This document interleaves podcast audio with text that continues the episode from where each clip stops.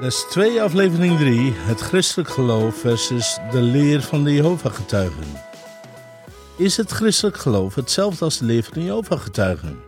Hallo luisteraars, welkom in deze uitzending van de Emmanuel Podcast. Vandaag gaan we onderzoeken of de leer van de Jehovah-getuigen hetzelfde is als de leer van het christelijk geloof. Gaat de bel onverwachts op een middag, dan is de kans groot dat er Jehovah-getuigen voor je deur staan. Nederland telt zo'n 30.000 Jehovah-getuigen die geloven dat alleen zij het ware geloof verkondigen. Ze stemmen niet, ze vieren geen kerstfeest of verjaardagen, ze weigeren dienstplicht en bloedtransfusies. Maar dit soort dingen zijn niet de grote verschillen met het christelijk geloof. Het waarom en wat het verschil is tussen het christelijk geloof en het geloof van de Jehovah-getuigen daar gaan we vandaag over hebben. Alhoewel Jehovah-getuigen zichzelf christenen noemen, toch zijn er onverzoenlijke verschillen in de leer van de Jehovah-getuigen en christenen in het algemeen. Maar voordat we gaan ontdekken welke dat zijn, gaan we eerst kijken waar deze leer vandaan komt en wie ermee is begonnen. De Amerikaanse stichter van de Jehovah-getuigen was een zekere Charles Tales Taze Russell. Hij werd geboren op 16 februari 1852. Hij verliet de Presbyteriaanse kerk omdat hij niet eens was met de leer van het eeuwig verbond. Nou, als het goed is, heeft u kunnen beluisteren dat de leer van het eeuwig oordeel, uh, niet eeuwig verbond, maar eeuwig oordeel, een van de basisfundamenten is van het christelijk geloof. Dat kun je lezen in Hebreeën 6. Door vele studies kwam de heer Russell ook tot de conclusie dat Christus onzichtbaar naar de aarde terug zou zijn gegaan in 1874. In 1879 begon hij een tijdschrift met bijbelstudies uit te geven die de Watchtower heette, oftewel de wachttoren. Wanneer je een website bezoekt op www.jw.org.nl, dan lijkt het gewoon een christelijke website te zijn. En het kan best zijn dat een aantal artikelen die je daar leest best wel goed zijn, maar daardoor juist ook misleidend kunnen zijn. Je leest bijvoorbeeld dat je van zonde gereinigd wordt alleen door het bloed van Jezus en niet door een zogenaamd vagevuur. Nou, de meeste christenen geloven niet in het vagevuur, behalve de katholieken. En ik weet trouwens ook niet of de katholieken dat nu nog geloven. En dit soort stellingen maakt het juist zo misleidend, waardoor men vaak de boot gaat. Want de basisleer van de Jehovah-getuigen is echt totaal anders dan die van de christenen in het algemeen. En dat ga je pas ontdekken wanneer je zelf onderzoek gaat doen. Dus ik zeg dit niet, lieve mensen, om Jehovah-getuigen in discrediet te brengen. Dat is niet mijn doel. Ik zeg dit zodat jij zelf onderzoek kan doen en alles wat ik tot nu toe heb gezegd en ga vertellen, dat kun je zelf onderzoeken of het inderdaad wel zo is. Nou, laten we een aantal feiten en leerstellingen even op een rijtje zetten, waardoor de dingen en de onverzoenlijke verschillen met de leer van de Jehovah-getuigen misschien iets duidelijker voor je worden. Ten eerste, de leerstellingen van de Jehovah-getuigen zijn gebaseerd op hun eigen Bijbel genaamd de Nieuwe Wereldvertaling. Nou, onnodig om te zeggen dat deze Nieuwe Wereldvertaling tientallen keren gewijzigd is om hun basisleer te kunnen onderstrepen. De Bijbel bevat het woord van God, maar onze bestaande Bijbelvertalingen zijn volgens de Jehovah-getuigen te veel beïnvloed door heidense filosofieën. Daarom hebben ze nu hun eigen, of al een tijdje al, hun eigen Bijbel. Dat heet de Nieuwe Wereldvertaling. Nou, wij als christenen hanteren weliswaar vele vertalingen van de Bijbel, maar met verschillende doeleinden. Bijvoorbeeld voor een woordstudie is de vertaling van het boek niet echt toepasselijk, maar voor een devotie of stille tijd wel. Maar in de basisleer is er in al deze vertalingen niets gewijzigd. Maar in hun Bijbel is er in de basisleer veel gewijzigd. Ik geef je een voorbeeld. In hun Bijbel staat bijvoorbeeld in Johannes 1, vers 1 dat Jezus een God was en niet God. Je kunt het zelf nalezen op hun website onder Lees de Bijbel online. Daar staat in hun Bijbel het volgende: Johannes 1, vers 1. In het begin was het woord, het woord was bij God en het woord was een God.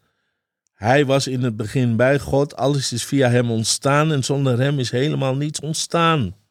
Nou, alle christenen geloven dat Jezus Christus volledig mens was, maar ook volledig God. Dat is wat de Jehovah-getuigen dus niet geloven.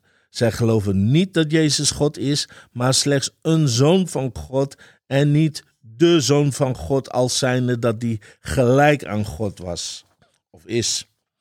Zij geloven niet in de drie eenheid. God de Vader, God de Zoon God de Heilige Geest zoals wij dat doen.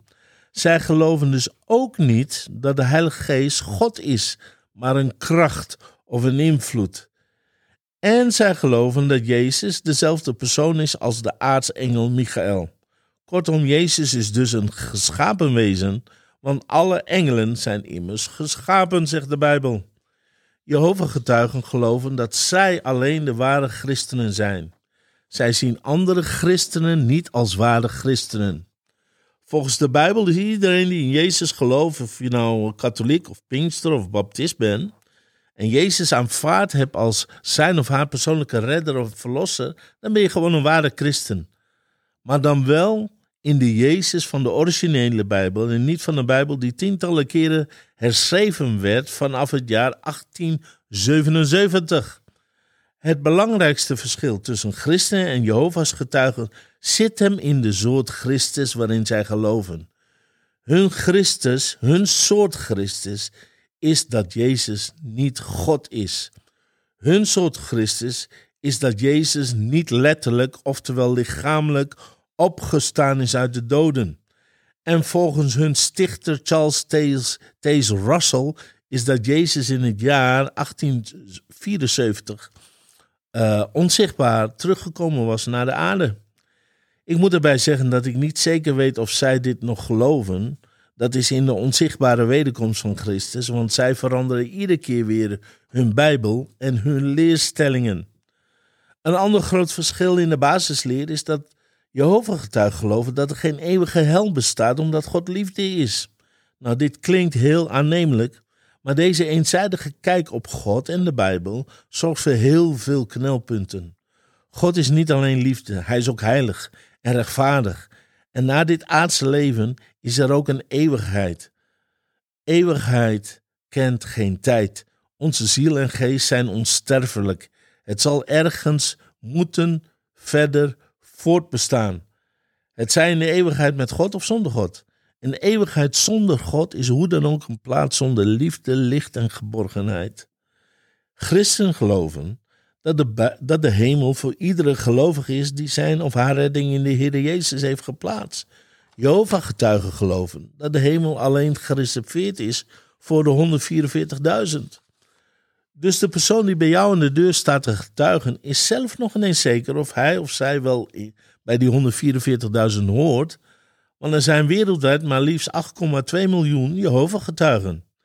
En als laatste geloven zij dat de waarachtige kerk, zij dus, de Jehovah-getuigen, pas ontstaan is door hun eigen stichter, namelijk Charles Tales Russell. Want zij zijn immers de ware christenen. Zelfs wanneer zij dit tegenspreken, spreken zij zichzelf tegen. Nou, dit is een doordenkertje. Denk maar eens zelf goed hierover na. Wij geloven dat de kerk is ontstaan door Jezus en dat het fundament is gebouwd op Jezus en de apostelen en de profeten.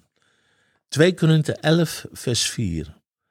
Want indien de eerste en de beste een andere Jezus predikt die wij niet hebben gepredikt, of gij een andere geest ontvangt die gij niet hebt ontvangen, of een ander evangelie die gij niet hebt aangenomen, dan verdraagt gij dat zeer wel. Wij zien hier dat de Joven-getuigen een andere Jezus prediken, met een andere geest en ook een ander evangelie.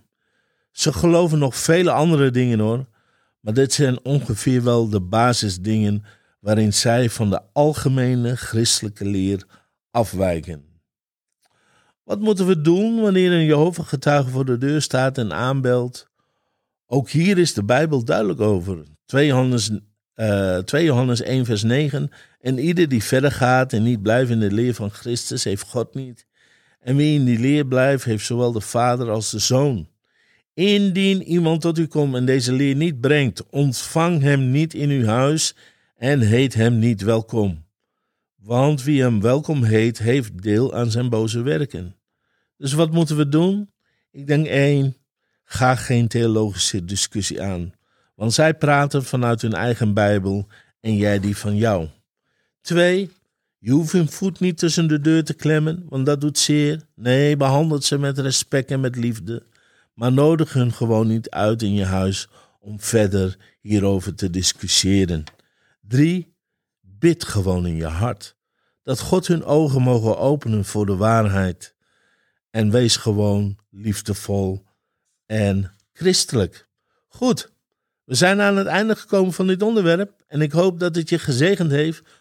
Tot de volgende keer, dan gaan we het hebben over de leer van de Mormonen. Tot dan en God bless you.